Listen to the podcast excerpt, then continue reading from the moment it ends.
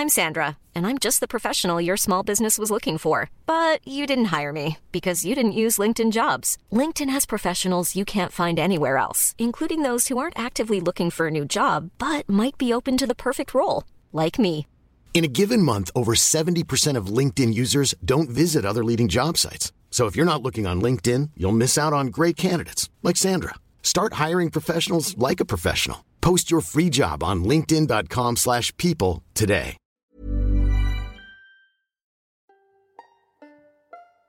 Jeg har lært af min gamle patriarkalske far, ikke, at øh, manden skal ud og tjene og hive mønterne hjem. Ikke?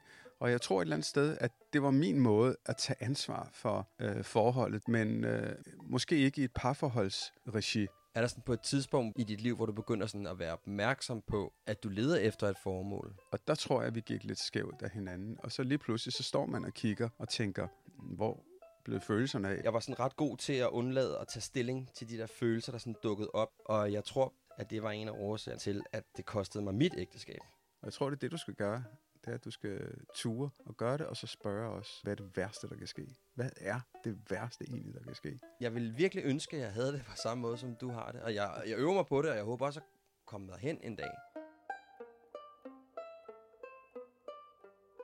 Hej, jeg hedder Mikkel. Jeg er 42 år gammel, og jeg har en datter på 6. Udover at have en række forliste forhold bag mig, så blev jeg for to år siden skilt fra min kone. Hurra, endnu et ægteskab til statistikken. Det sjove er, at jeg jo faktisk ser mig selv som et tænkende og følende menneske. Og alligevel kan jeg ikke lade være med at stå med fornemmelsen af at være en stor kliché. Tænk, at jeg skulle ende her, sammen med alle de andre mænd, der ikke kan finde ud af det. Og så er jeg træt. Træt af, at jeg ikke har værktøjerne til at få mine forhold til at fungere. Og at det ender det samme sted igen og igen.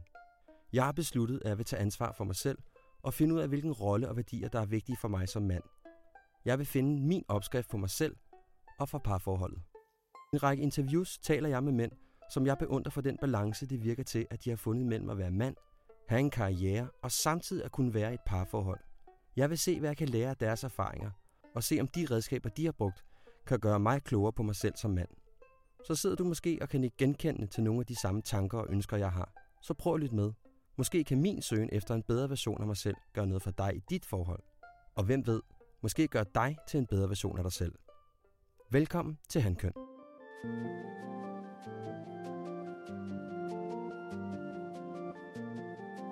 I episode 4 har jeg inviteret den tidligere politiker, forfatter og radiovært Manu Saren ind foran mikrofonen. Vi taler om mine fire værdier, som jeg introducerede i afsnit 1, om det at lære af sine fejl, at finde ud af, hvad der egentlig driver ens formål, effekten af at give parforholdet et periodisk tjek, og så taler vi om, hvad der sker, når sårbarheden bliver taget i brug. Kan man sidde ned? Ja, det kan vi vel godt. Manu Saren er nok mest kendt i offentligheden som social- og ligestillingsminister, hvor en af hans største projekter var at give homoseksuelle retten til at blive gift i Folkekirken. Han har sit eget radioprogram på B1, som hedder Manus Manege, hvor han stiller skarp på det moderne livs udfordringer. Og så har han skrevet et hav af bøger med fokus på fortællinger til børn. Manu er ivrig fortaler for medicinsk cannabis, som han arbejder aktivt for at få legaliseret. Så tænker jeg, at vi går i gang. Find den behagelige stol frem. Hæld noget varmt i kruset. Og lyt med.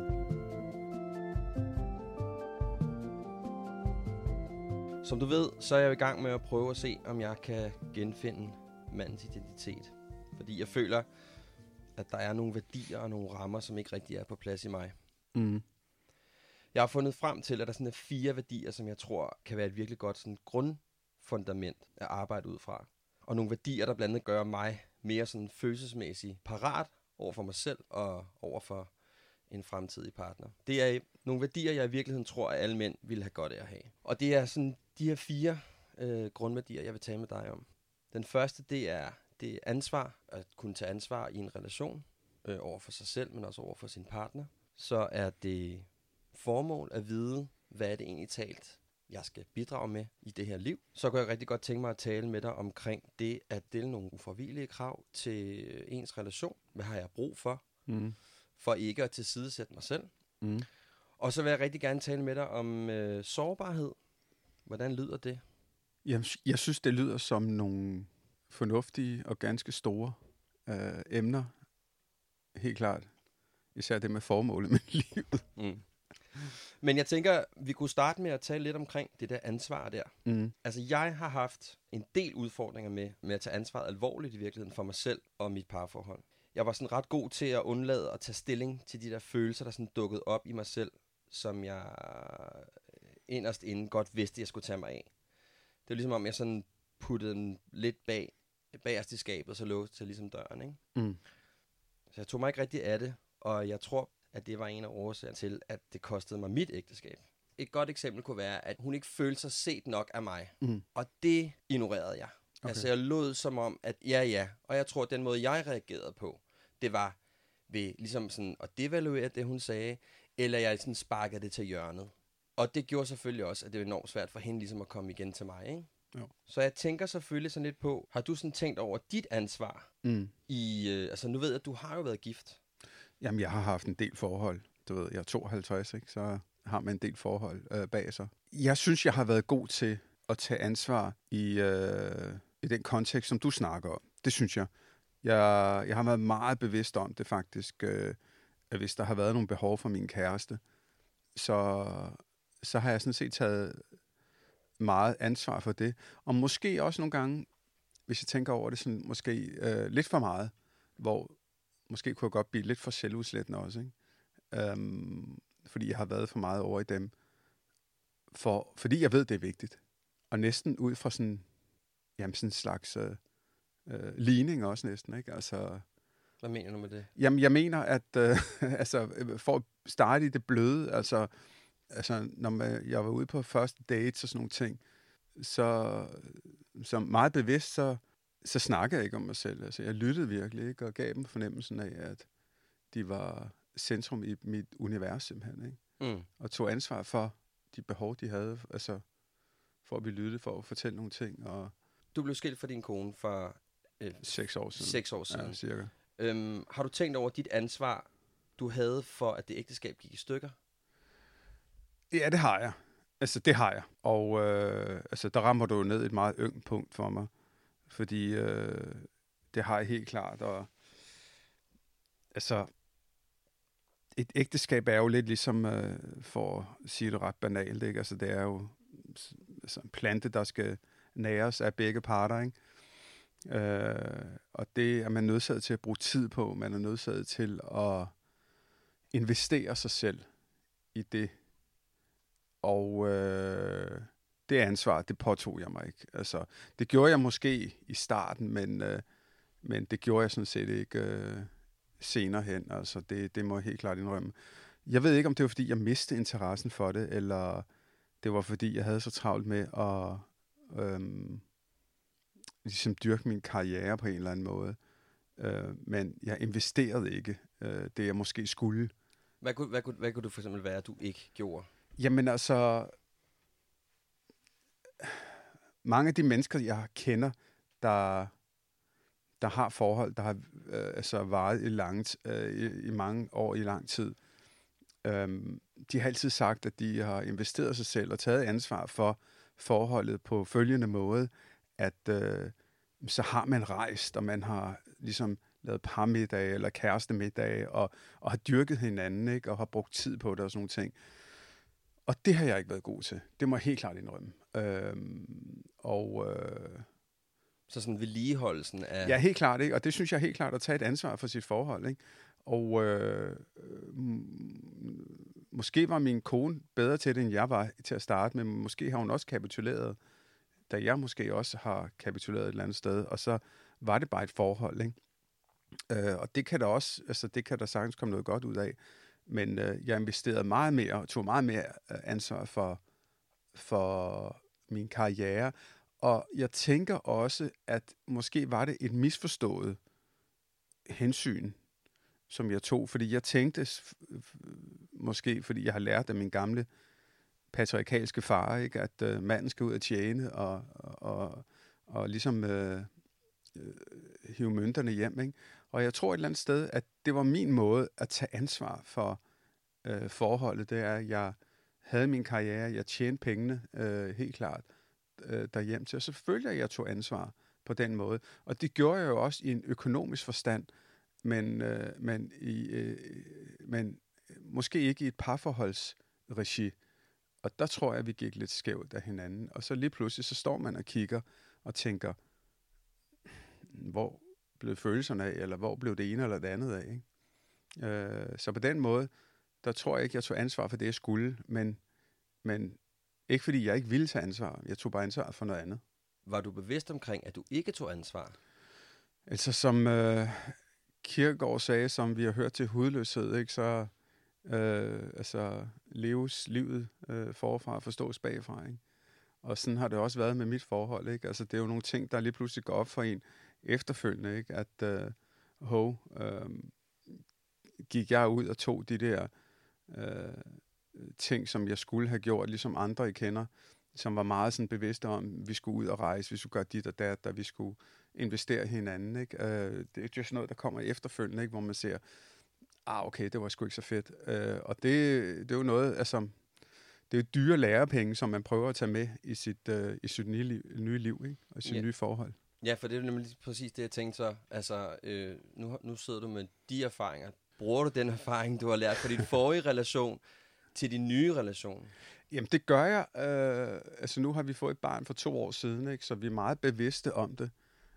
Det er vi virkelig. Men ikke desto mindre, så har vi begge to tilbøjelighed til at falde ned i det gamle. Falde ned i sofaen og du ved, restituere over, man har brugt en hel dag med sådan en toårig, jeg ryddet op og vasket op og lavet mad og grød og rent mig i røven. Ikke? Og, øh, og der tror jeg, at vi begge to er bevidste om, der må vi lige tage os sammen en gang imellem. Ikke? Øh, men det er ret vildt at tænke på og opleve, hvor hurtigt man ryger ned i det, i det gængse simpelthen. Ikke? Altså, der burde, man burde fandme skrive sådan 10 bud på væggen, ikke? Øh, og så sørge for at, at, at læse dem altid. Ikke? Og, men hvordan, hvordan når du siger, så, så falder I ligesom, det kan jeg jo virkelig godt huske tilbage på fra mit eget liv, ikke? Det der med, at man måske lige ender lidt i sofaen med en, med en plade Marabu og, og en kop kaffe, ikke? ja, man er jo smadret. Man er jo smadret altså, Ja. det, man er jo fuldstændig mørbanket efter sådan en dag. Ikke? Hvornår er det advarselslampen ligesom øh, begynder at blinke? Fordi du siger også, at I er opmærksom på det, men hvordan er I opmærksom på det så? Jamen altså, Hvordan, hvordan er du opmærksom på det? Ja, men jeg tror, det, det meget handler om det der med, at den ene dag tager den anden, ikke? Og lige pludselig så mærker man den der, shit, altså vi er lidt langt fra hinanden. Og det kan man lynhurtigt reparere. Og så tror jeg, jeg er også bevidst på den måde nu, øh, efter sommerferien, så startede min kone på nyt arbejde, og vi har været sammen faktisk et par år derhjemme med den lille, og brugt sindssygt meget tid på hende og, og på hinanden. Og lige pludselig så startede den der hverdag, som både jeg hader og frygter også, ikke? Og, øh, Hvad er det, du hader og frygter ved det? For helvede, altså, jeg hader jo det der med at skemalægge øh, altså livet, ikke? Og okay, du henter der klokken tre, okay, så ned og køb ind og hjem, og så skal der være aftensmad klokken 6. Det skal være klokken 6, uanset om man er sulten eller ej. Øh, og det skal, så er det der, og så er der badet til hende, og så er det sådan, og så bliver hun puttet der, og så ind i sofaen, og så sidder Sten der over et eller andet. Og dagen efter igen, okay, det, det er det praktiske. Og der spurgte jeg altså min kone, kan vi ikke gøre et eller andet for at bryde hverdagen, ikke? Og det gør faktisk også min ekskone, kan jeg huske, ikke? Kan vi ikke gøre hverdagen til en fest? Og det funker lige et par gange, man, så er man tilbage i det gamle lort, ikke? Altså, øh, og, og det er bare skideserende, synes jeg. Altså, vi prøvede det her efter sommerferien. Altså, på hverdag, så tog vi ud af badet og plukkede brumbær og alt muligt, ikke? Og, så, og det virker bare som om det er syvende år siden, ikke? Altså.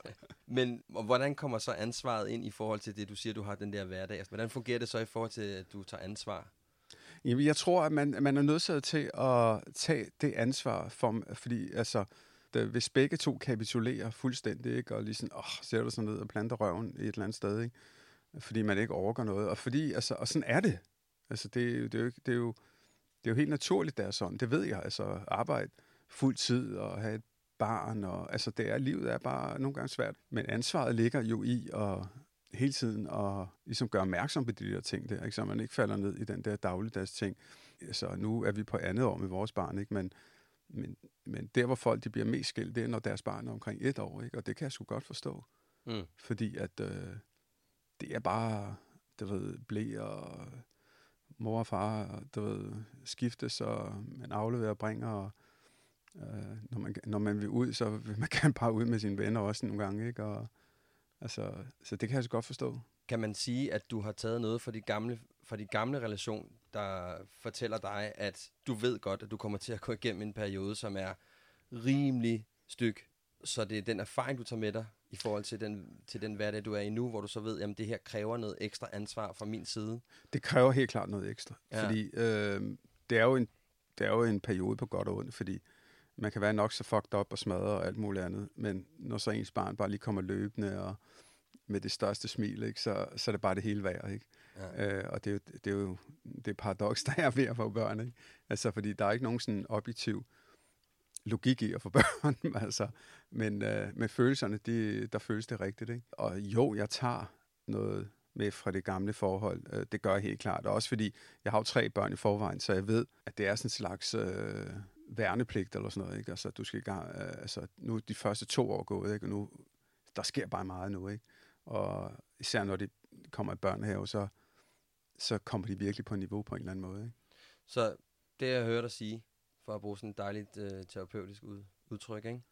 det er, at du har i hvert fald fundet ud af, at du ved, der kommer nogle svære perioder, og det du, det du er opmærksom på, du er klar over, at hverdagen godt kan være et problem for dig, så det er du også opmærksom på. Mm. Som jeg har hørt dig sige, så øhm, du fortalte om før med jo. din forrige kone, at du var, at du var måske, du havde en tendens til, at den måde, du tog ansvar på, handlede om, at du, you, you brought home the bacon, ja. men alt det andet, tog du dig ikke af. Nej. Har du taget den erfaring med dig i det nye, at du er mere opmærksom på, at nu skal Helt du... sikkert, helt sikkert. Ja. Og det handler jo kun om, det handler jo kun om øh, i tidligere erfaringer. Det handler også om, at øh, altså, nu er jeg 52, ikke, så man finder også ud af, at livet det ikke varer for evigt. Ikke? Altså, og, og derfor så gider jeg ikke begå fejltagelser. Min tid er kostbar. Ikke? Øhm, og det, det, det er også en drivkraft. Ja. Hvad betyder en selv ansvar for din selvopfattelse som mand? Jamen egentlig ikke så meget, fordi at øh, jeg føler, at jeg er et meget ansvarsfuldt menneske, både over for min, øh, mine børn og min familie, og, øh, og, og det er noget, jeg prioriterer rigtig, rigtig højt. Ikke? Øh, har også gjort det de sidste mange år. Ikke? Altså, så, så det ligger så dybt indlejret i mig øh, at gøre det. Måske handler det mere om at tage mere ansvar for mig selv. Hvad betyder det, når du siger det? Jamen altså, være mere Øh, være mere sådan omkring mig selv, altså, fordi at jeg bruger meget tid på at tage ansvar for, for alle andre, ikke? og måske tage mere ansvar for mig selv og, og de behov, som jeg har. Øver du dig i sådan at tage ansvar i det daglige over for dine relationer? Nej, det gør jeg ikke, fordi det ligger så voldsomt dybt i mig. Ikke? Ja. Øh, så det gør jeg ikke. Og hvordan, altså, hvordan kunne du for eksempel tage ansvar for, du, du, du nævnte lidt i starten med, at, sådan, at du måske i virkeligheden tog sådan overdrevet meget ansvar ja. for i, når du var i en relation? Altså, ja. hvordan kommer det til udtryk? Jamen, det kommer jo til udtryk øh, på den måde, at jeg bare vil være den vildeste. Ikke? Jeg vil være den vildeste kæreste, den vildeste mand. Ikke? Jeg vil bare være den bedste for helvede. Ikke? Jeg vil være mange, meget bedre end dem, der har været før. Ikke? Og jeg vil være meget bedre end dem, der kan komme. Ikke? Altså, så jeg er meget, øh, du ved, meget opmærksom på, på sådan noget. Så derfor så kommer jeg også til at tage meget ansvar for, for de behov, der er for, for partneren. Og der er forskel på det, ligesom jeg fortalte om mit øh, tidligere forhold. Der tog jeg ikke ansvar for os. Jeg tog ansvar for hende, og gjorde det godt for hende, og sørgede for alle mulige mærkelige fede ting. Ikke? Og det gør du også i det nye, eller hvad? Nej, det synes jeg, jeg er blevet bedre til at give både til hende og til os, men skal være bedre til at give til mig mm. selv. Hvis du nu skulle give mig nogle råd ud fra din erfaring, hvordan kan jeg så blive bedre til at tage ansvar? Har du nogle alfaderlige råd til en yngre mand? Til en ung mand? Altså, jeg vil helt klart sige til dig, altså det, at det at være opmærksom på os er, er vigtigt. Det, øh, det har jeg i hvert fald lært, ikke? Og så tror jeg også, at hvis du tager ansvar for os, skal du også tage ansvar for dig selv, og så, så er det hendes ansvar at tage ansvar på hende selv, altså, og, og jeres fællesskab. Ikke? Det tror jeg helt klart er det, er, er det vigtigste. Og så tror jeg også, at det er vigtigt at stoppe op og i talesætte det. Altså min kone og jeg, vi havde i starten af vores forhold, og gør det en gang mellem os, ikke? der sætter vi os ned og analyserer vores forhold simpelthen. Ikke? Og, og vi har lavet sådan, i starten i hvert fald, øh, sådan meget sådan rigid øh, system, ikke? hvor den ene får lov til at fortælle, hvordan man har oplevet ugen, og hvad der har irriteret en, og hvad man har savnet, hvad man har mærket. Og den anden må ikke sige noget. Bare lytte. Og også selvom der ikke er, øh, du ved, vi sætter tid på det, ikke?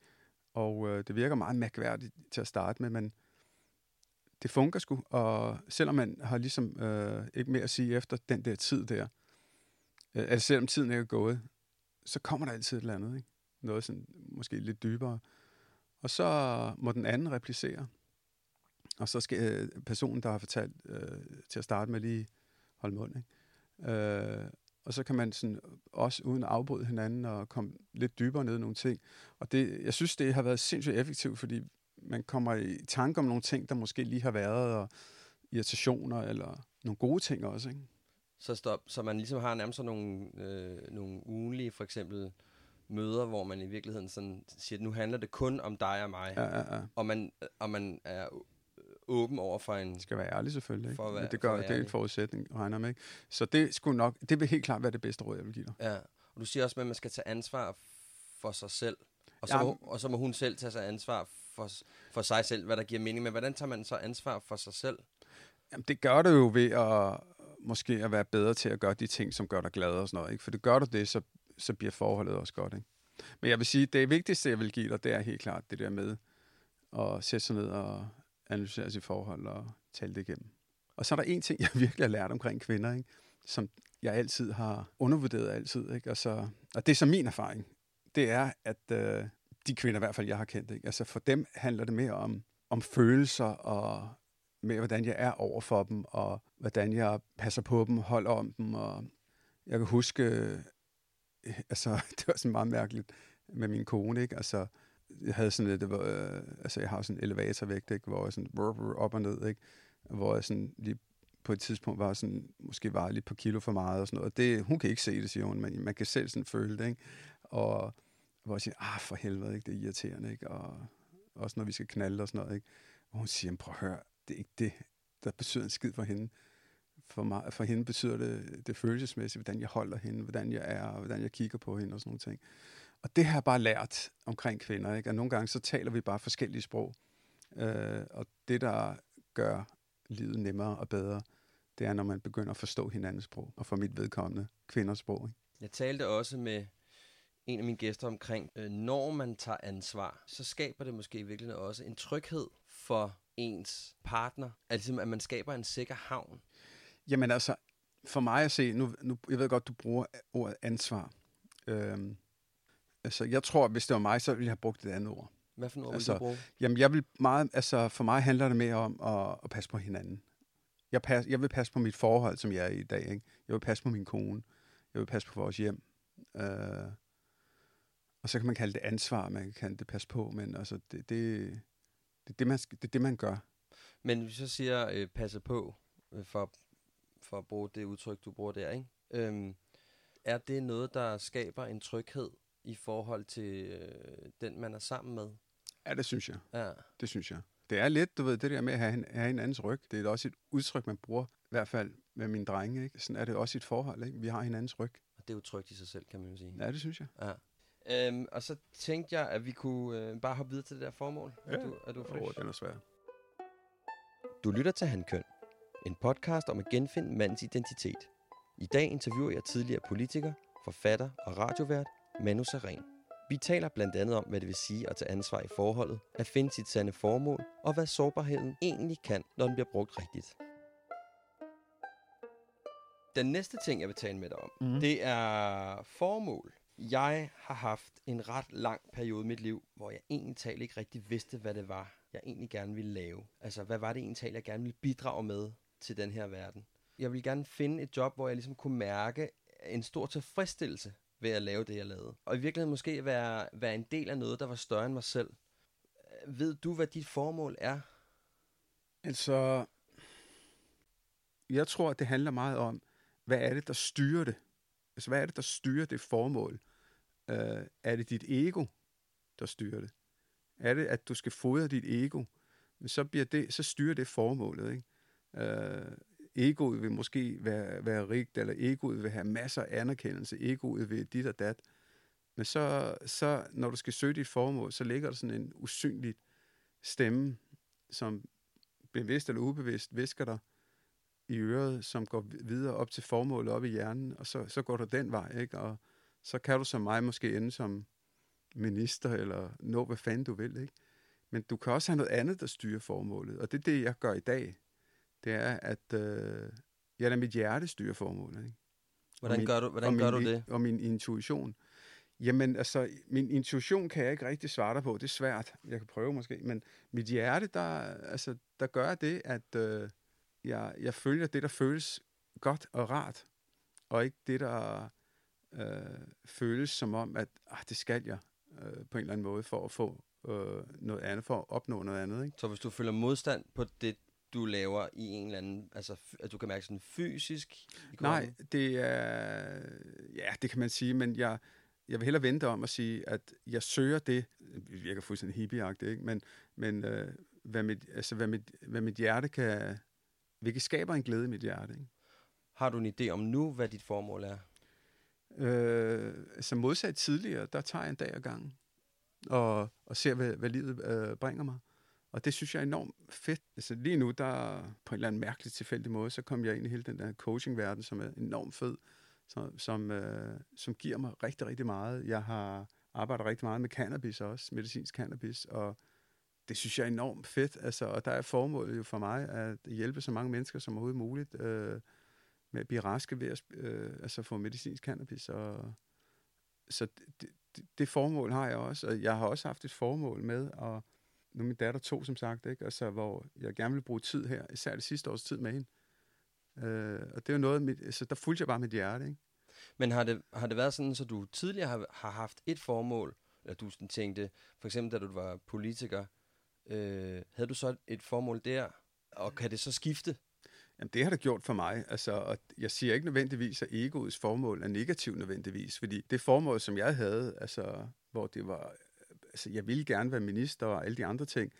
Der var jeg jo både drevet af, at jeg gerne ville gøre en forskel, men jeg var helt klart også drevet af uh, mit ego også, ikke? At uh, det ville jeg virkelig være, for det ville være fedt og sådan noget. Ikke? Altså, det var, der var ikke sådan meget hjerte med altså, til at drive det, men det er der i dag. Altså udelukkende. Jeg har virkelig prøvet at lukke ned for mit ego. Er der sådan på et tidspunkt i dit liv, hvor du begynder sådan at være opmærksom på, at du leder efter et formål? Nej, altså jeg vil hellere sige noget andet. Uh, der var et tidspunkt i mit liv, hvor jeg finder ud af, at det er et forkert formål. Øh, og det var helt konkret, da jeg stod ude på Slotspladsen, hvor jeg lige havde været inde hos dronningen, og var blevet udnævnt som socialminister, som er det højeste, jeg kan blive inden for hvor, mit fag, ikke? inden for det sociale. Og så stod jeg derude på Slotspladsen med hænderne sådan over korsen, som jeg er lige nu. Og, og så kiggede jeg rundt og så tænkte jeg, wow, hvor vild socialminister, ikke? Ansvar for 320 milliarder kroner, en tredjedel af statens budget, en lille inder. Og var sådan rimelig selvtilfreds, ikke? Og, og så var der en, øh, en stemme, ikke, der sagde, okay Manu, er du så lykkelig? Og der kunne jeg bare mærke, nej, fucking nej, ikke? Og så var det, jeg tænkte over, har jeg haft det rigtige formål? Og har jeg ikke bare været forført af mit ego, ikke? Så lige der, der var der et skift. Så du, så du gik faktisk fra, som jeg hørte dig sige, at være meget egodrevet. Det handler om en anden performance måske. Ja, øh, du ved, fodre øh, den der anerkendelse, ikke? Og, og den forførelse, der er ved det, ikke? Og så, og så er du faktisk gået over til og begyndt at trække dit formål et andet sted fra. Ja, lad, i hvert fald lade det styre af nogle andre ting. Ikke? Ja. Altså, det er lidt det samme, men i hvert fald det, der skubber, det, der øh, skubber formål, ligesom sådan en slags sæbekassebil. Ikke? Det kan enten være egoet, eller også kan det være hjertet. Ikke? Så du har, fået, du har fået et større fokus på, hvad dit hjerte siger til dig. Kan det, man, det kan jeg love dig for. Kan man sige det sådan? Ja, okay. Det kan jeg love dig for. Altså, siger du lidt til mig nu, at du har ikke noget sådan, du har ikke noget sådan en klar idé om, hvad det er? Here's a cool fact.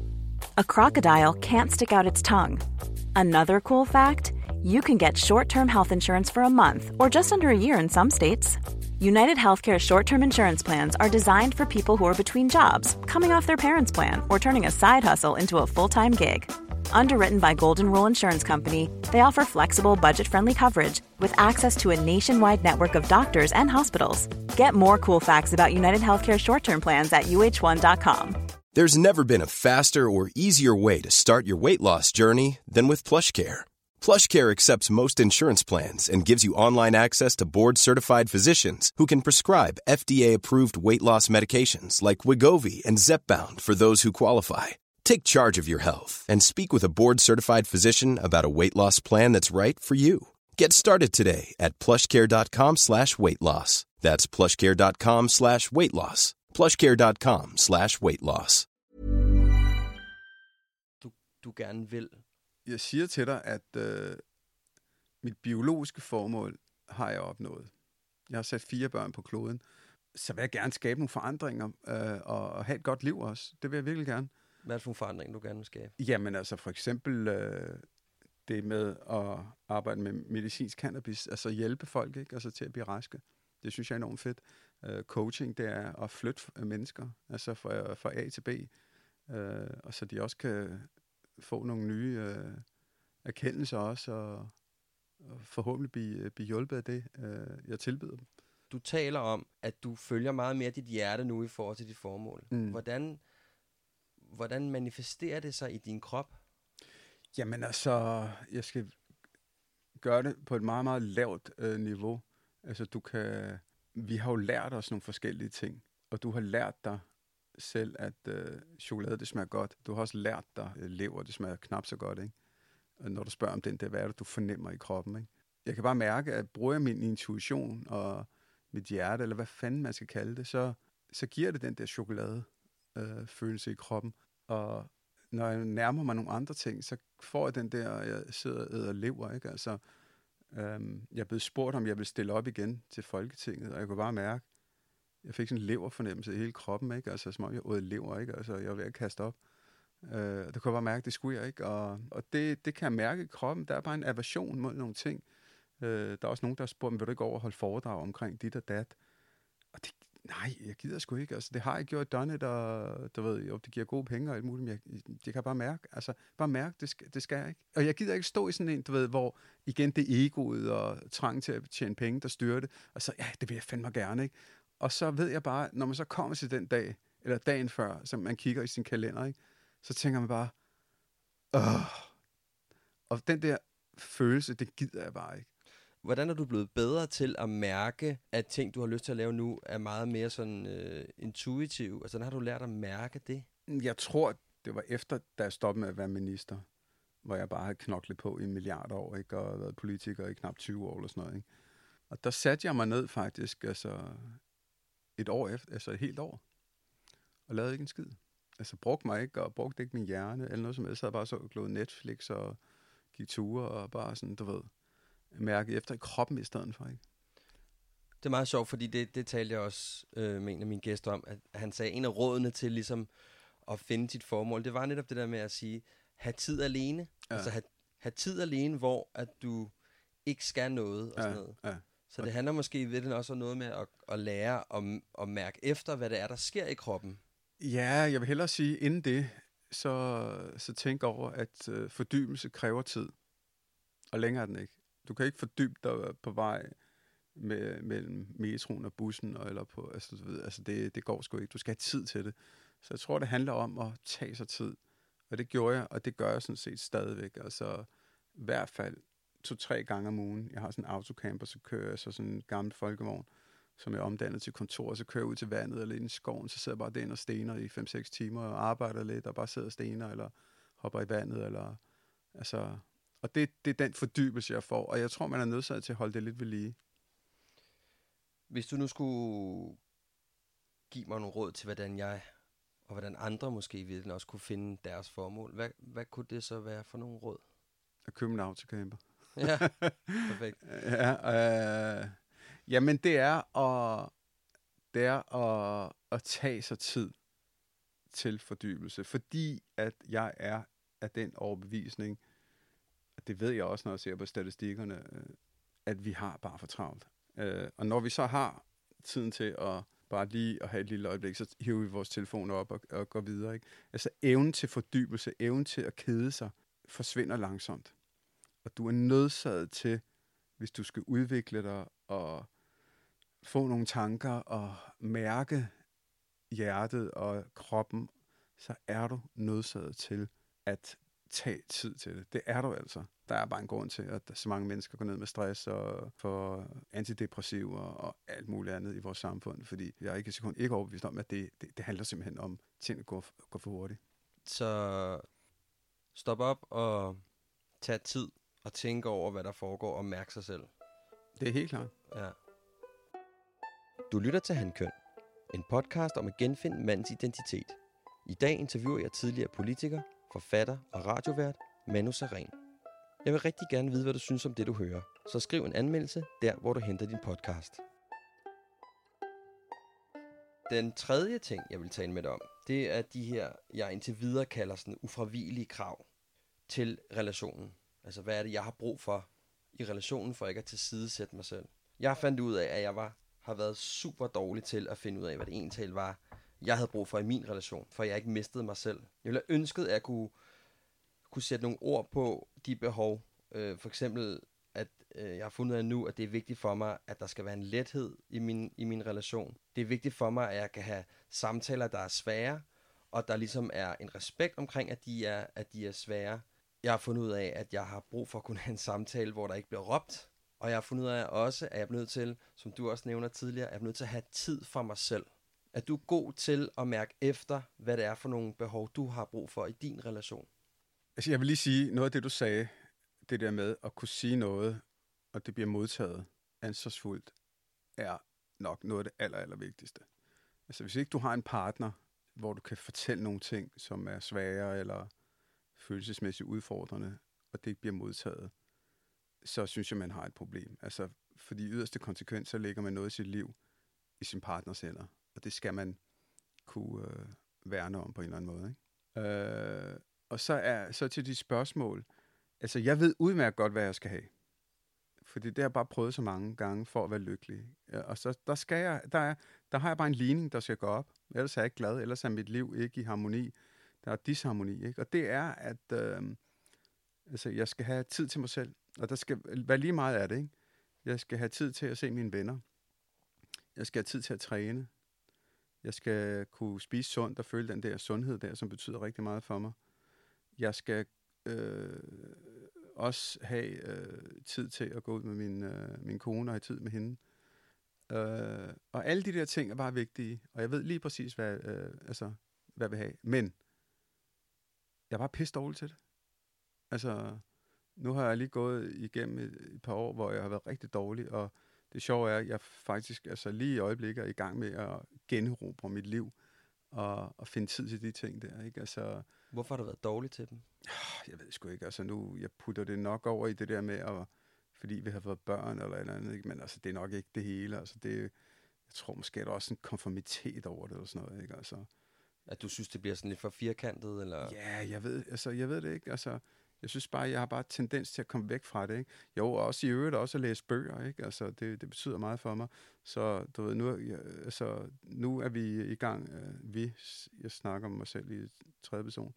uh, nu er jeg i gang med at ligesom projekt generobre mit liv. Og det er altså helt klart at igen finde fat i de der ting, det at stimulere mig intellektuelt. Ikke? Altså jeg læser rigtig, rigtig meget, to-tre timer hver dag øh, jeg er begyndt. Meget sjovt i dag, der har jeg skrevet til nogle gamle kammerater, ikke? Hey, skal vi ikke lige drikke kaffe? Og sådan, fordi dem har jeg også været dårligt til at, øh, ligesom at øh, holde ved lige. Øh, jeg har lige siddet sammen med to fyre dernede øh, og snakke om coaching også. Det var fucking hyggeligt. Bare sidde og snakke, og ikke? Altså, det var det bare. Så snakke øh, liv og alt muligt andet. Og det skal jeg være bedre til, fordi det giver mig noget. Og næste skridt, det bliver sådan noget med at begynde at træne igen og som jeg også har været dårlig til. Ikke? Så jeg, jeg er nødsaget til at få de her balancer igen. Og hvordan, hvordan er du kommet frem til, at du har de her krav til din relation, så du ikke tilsidesætter dig selv? Hva, hvor har du draget, hvordan har du draget de erfaringer? Jamen, det er sgu meget simpelt et eller andet sted, fordi at jeg, altså, jeg tror, at de fleste kan mærke, når de er lykkelige og ikke lykkelige. Lykken er sådan en eller anden mærkelig ting, ikke? Men, øh, men lad os nu bare bruge det ord. Det kan også være glad, ikke? Altså, eller flow, eller harmoni. Og jeg har bare altid lagt mærke til, at har jeg de forskellige ting i mit liv, altså sådan, ligesom sådan nogle søjler, ikke? og der er lige meget øh, vand eller energi i dem, så har jeg det bare godt. Så har det fandme godt. Men det kommer jo også an på, at øh, altså, det er også vigtigt at have en partner, der accepterer de søjler. Ikke? Øh, det nytter ikke noget, at jeg har en partner, der siger, nej, du skal være sammen med mig øh, hele tiden, eller nej, det må du ikke, eller sådan noget. Det går sgu ikke det leder mig over til, til et andet spørgsmål, der er, er du så god til at kommunikere, at du har brug for at have de her sådan, ufravigelige krav? Det er ikke min partners øh, skyld, at jeg ikke får det gjort. Øh, og de partnere, jeg har haft, ved det godt. Øh, det er mit eget problem. Det er, det er mit problem. Det er mig, der er så dum, at jeg ikke øh, holder det ved lige. Ikke? Hvis jeg glemmer det, og ryger ned i den der partnerfælde, ikke? den der kærestefælde, tosomhedsfælde. Ikke? Hvor du så ikke tager ansvar? Ja, og hvor, du ved, jo jo, men tager ansvar for, at vi sidder i riddersport i sofaen, ikke? og har det skide godt og hygger os. Ikke? Og, altså, du ved, altså for helvede, ikke? Skyller ned med noget fløde og, i sovsen og sådan noget. Ikke? Jo. Har du haft en periode i livet, hvor du ikke vidste, hvad dine krav var? Og hvad, og hvad var resultatet af det?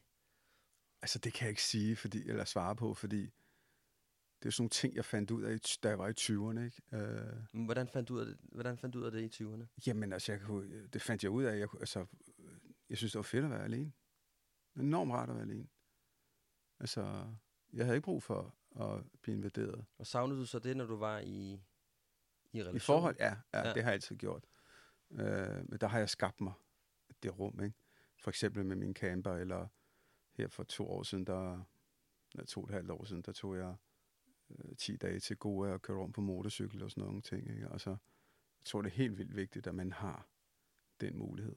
Men de her krav, du har, Jamen, jeg vil, ikke, jeg vil sgu ikke kalde dem krav, hvad skal, fordi det hvad virker vi så kalde dem? Jamen, sådan øh, nødvendighed, ikke? Altså en livsnødvendighed, ikke? Og det er meget godt, faktisk. Altså, Jeg er også selv lidt i tvivl om, det skal hedde krav, fordi på en måde, så kan man også sige, det er så negativt lavet. ja, det er lidt negativt lavet, og der er også noget omkring, øhm, altså, fordi alting er jo fleksibelt på en eller anden måde, ikke? Fordi man siger, jamen, hvis du siger, at dit krav er hver eneste øh, uge, så skal du være væk 10 timer, og så siger øh, din kone eller din kæreste, øh, det, det, går altså ikke. Så mødes I måske på 8, ikke? Ja, ja, så. Men, men som sagt, det her, det er sådan lidt en undersøgelse om, hvad, hvad skal de her værdier hedde, og har de overhovedet nogen sådan validitet, ikke?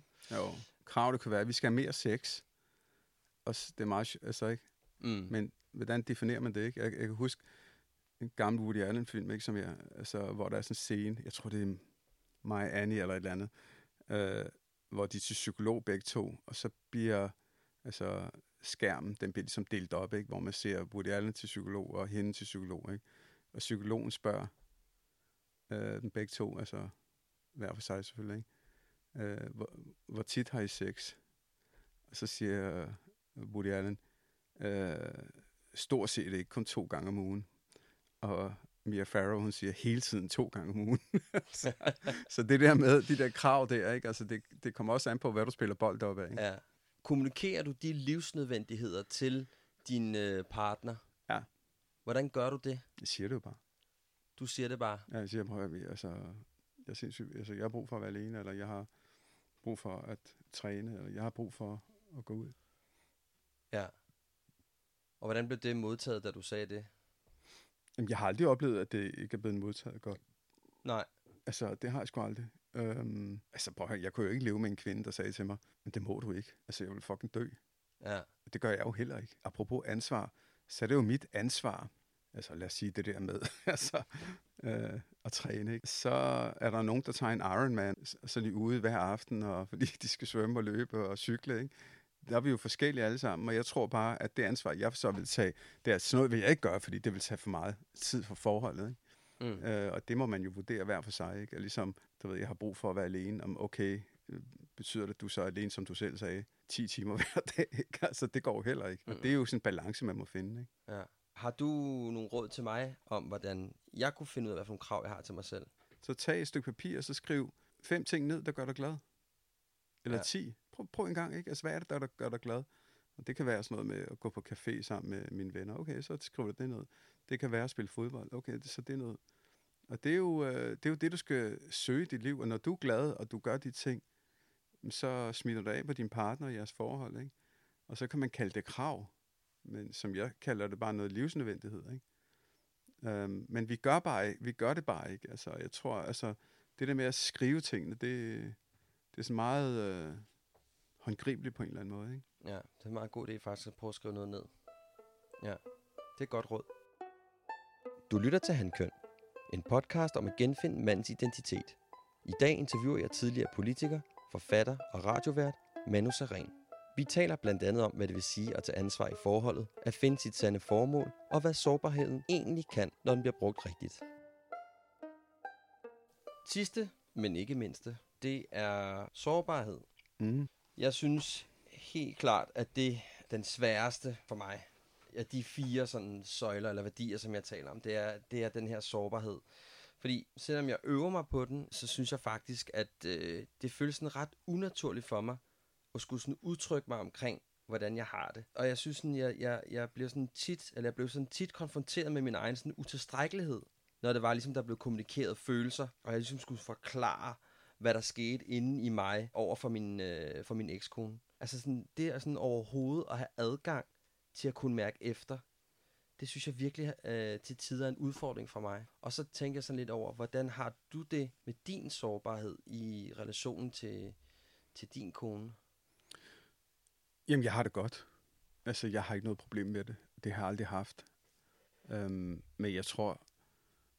Ah, okay, med mit tidligere forhold måske, der var jeg ikke så sårbar, men... Øh, Hvorfor var du ikke så sårbar der?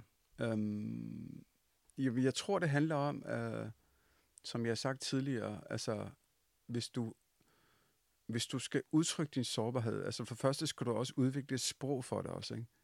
Øh, det har jeg så været heldig at kunne gøre omkring mig selv, ikke? Og, øh, men så kræver det også, at hvis du ligesom øh, udtrykker den, så skal der også være en til at gribe det også, som også har nogenlunde det samme sprog, ikke?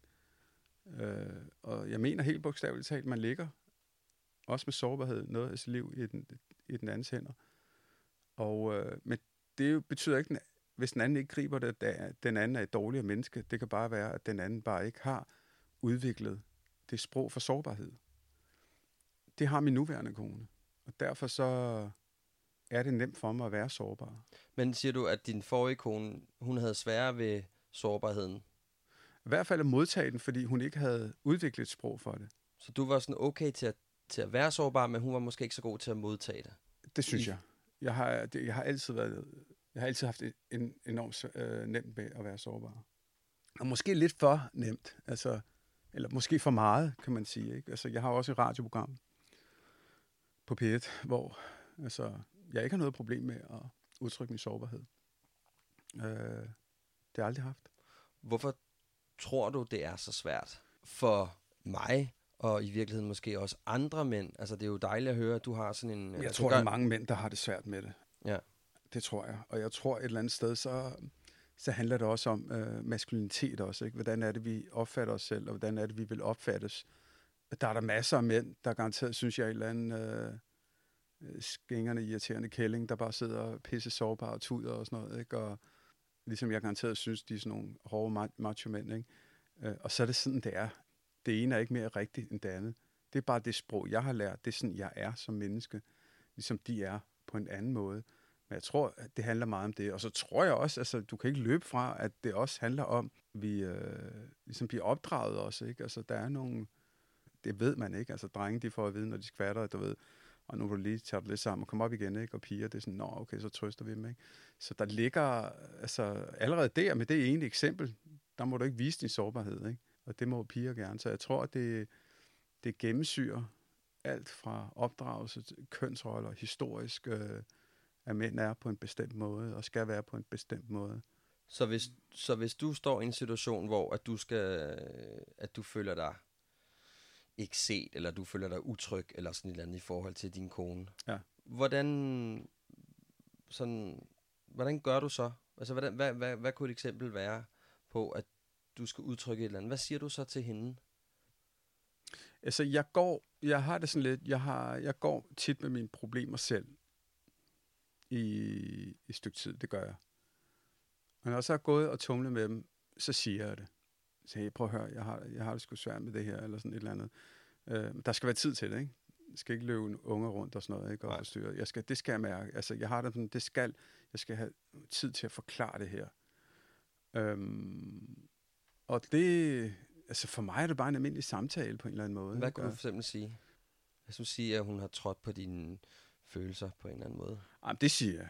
Ja, men hvordan, gal. hvordan siger du det? Fordi det er sådan en ting, jeg har enormt svært ved. Jeg har enormt svært ved, øhm, at hvis jeg står i en situation, hvor jeg måske føler mig lidt trådt over tæerne, så synes jeg, det er enormt svært at finde øh, en måde at fortælle øh, min partner på, at, at det her, det gjorde mig ked af det. Men hvorfor? Jamen, jeg tror, jeg, tror, det, jeg tror, det handler om noget med, at jeg i min opvækst har lært, lidt som du også sagde før, at hold op med at skabe dig, mm. eller øh, tør nu øjnene, eller hold op med at græde. Eller, mm. Altså, jeg synes, ikke, jeg synes ikke i min opdragelse, øh, at der var så meget plads til, at jeg kunne være det. Og det er ikke noget, jeg skyder ikke noget skoene på mine forældre. Jeg ved godt, de har jo, de kommer fra et sted, som har lært dem, at det er den måde, man håndterer, når drengebørn viser, viser følelser. Jeg føler oprigtigt, at jeg har et eller andet inde i mig, der næsten vender sig. Altså, det er næsten sådan fysisk vender sig i mig, når det er, at jeg skal udtrykke et eller andet. Jeg føler mig enormt jeg føler mig faktisk umaskulin. Altså, jeg, skulle, det er meget, jeg skulle lige til at se det, at ja. sige det. Det går ud over din maskulinitet, ikke? Ja. Men det er meget sjovt, ikke? Fordi du står jo også der og veltrænet, ikke? Og du ved, og har brystmuskler og træner og skæg også, ikke? Og uh, tatoveringer, ikke? Altså, du, hvis der er nogen, der udstråler maskulinitet herinde, så er det jo dig. Tak. Og, og tingene, tak siger du ikke? Ja. og tingene hænger, ja tak, puha. puha tak, skal, altså, ja. tak skal du have. Ja. Ja. Uh, altså, og tingene hænger jo sammen et eller andet sted, ikke? Og, og, øh, og måske skal, handler det om for dig, altså det gør det måske ikke for andre, øh, det har det heller ikke gjort for mig, men måske handler det om for dig, at øh, gøre op med den der indre stemme der, hvordan man skal være som mand, for, at, øh, for at der ikke er så meget diskrepans mellem det at være sårbar og maskulinitet. Mm. Så, så hvad hedder det, øh, så du siger bare, Altså, du siger bare, det der in, gjorde mig ked, det der, der gjorde mig ked af det. problem med det. Nej. Altså, intet. Nej. Og du ved, jeg, så det er jo et godt spørgsmål, for jeg sidder også, lige, mens jeg snakker og reflekterer over, kan jeg vide, hvordan det er blevet sådan, fordi jeg kan love dig for, at jeg er i den grad blevet opdraget til at lige præcis det der, at man drenge ikke græder op igen, og patriarkals far, du ved, kom fra Indien, ikke? og så hvis det, der var noget pis med en, så fik man en flad, ikke? der var sgu ikke så meget pis der. Ikke? Og måske har jeg bare fået for meget af det, at gå i den anden grøft. Ikke? Jo. Øh, måske har jeg bare læst så mange dameblade og alt muligt andet. Jeg ved det sgu ikke. Øhm, men altså, altså, det, der sker, det er jo, at børn for at overleve, så finder de jo nogle altså, mestringsstrategier. Ikke? Hvordan er det? Hvad, hvad er mest hensigtsmæssigt? Ikke? Mm. Og det kan da godt være, altså, jeg gætter bare, jeg ved det ikke, at jeg har kigget på min far og tænkt, det er ikke en øh, mestringsstrategi, som jeg, jeg kan bruge. Måske læner jeg mig mere op af min mor, eller et eller andet, eller andre mænd, og, som har vist sårbarhed. Så det, du siger til mig, det er, at du, du bruger lige noget tid på at tænke over det. Du går lige sådan og...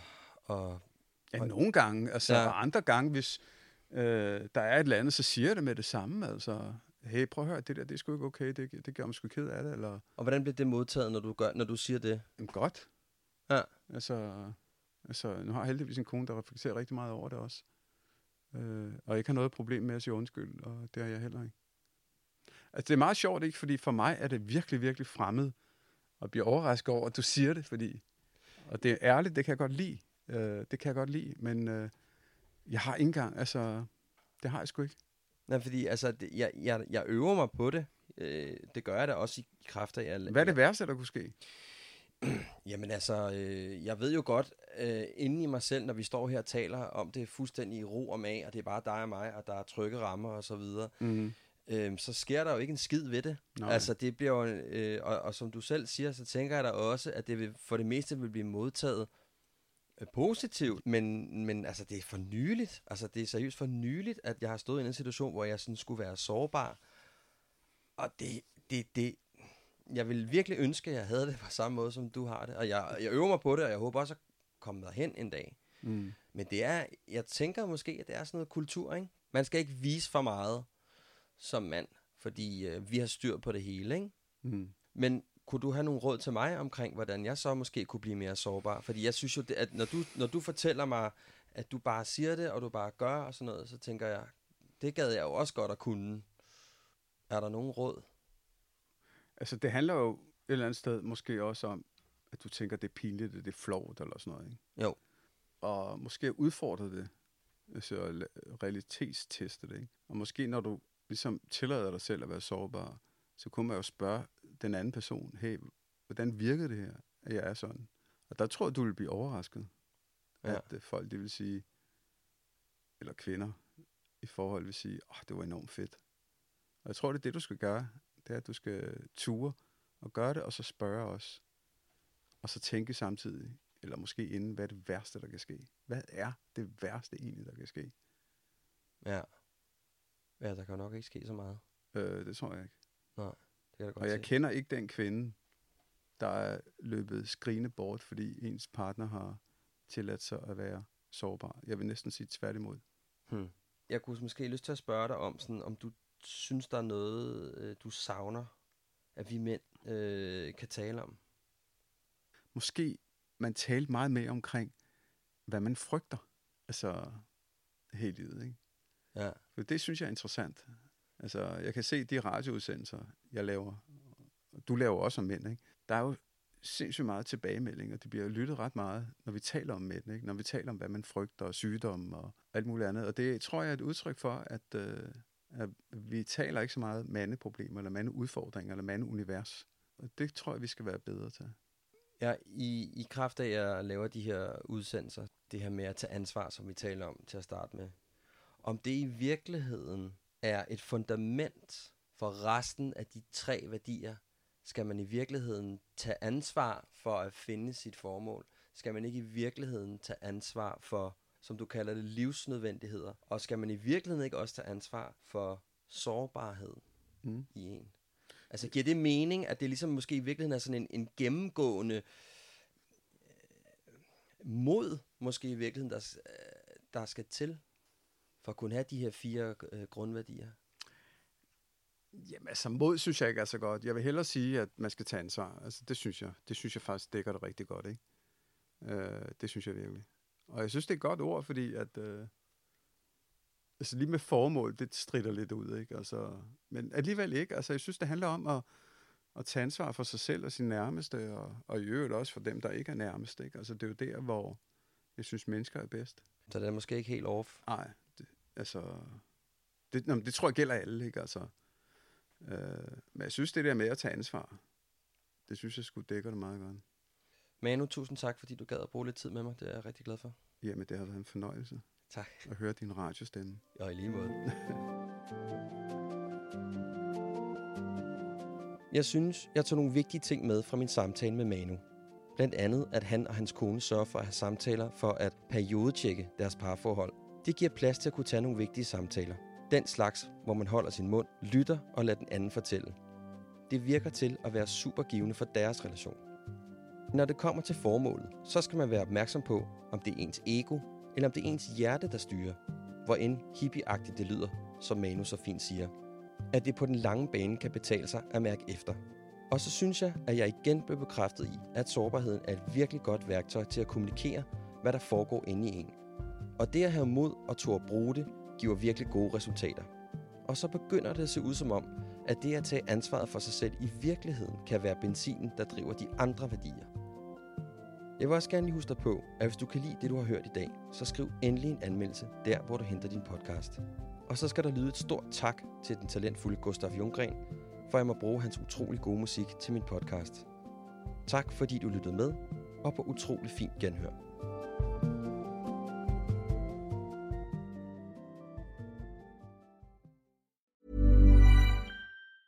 Planning for your next trip? Elevate your travel style with Quince. Quince has all the jet setting essentials you'll want for your next getaway, like European linen, premium luggage options, buttery soft Italian leather bags, and so much more. And it's all priced at 50 to 80% less than similar brands. Plus, Quince only works with factories that use safe and ethical manufacturing practices. Pack your bags with high-quality essentials you'll be wearing for vacations to come with Quince. Go to quince.com slash trip for free shipping and 365-day returns. Even when we're on a budget, we still deserve nice things. Quince is a place to scoop up stunning high-end goods for 50 to 80% less than similar brands. They have buttery soft cashmere sweaters starting at $50, luxurious Italian leather bags, and so much more. Plus, Quince only works with factories that use safe, ethical, and responsible manufacturing. Get the high-end goods you'll love without the high price tag with Quince. Go to quince.com slash style for free shipping and 365-day returns.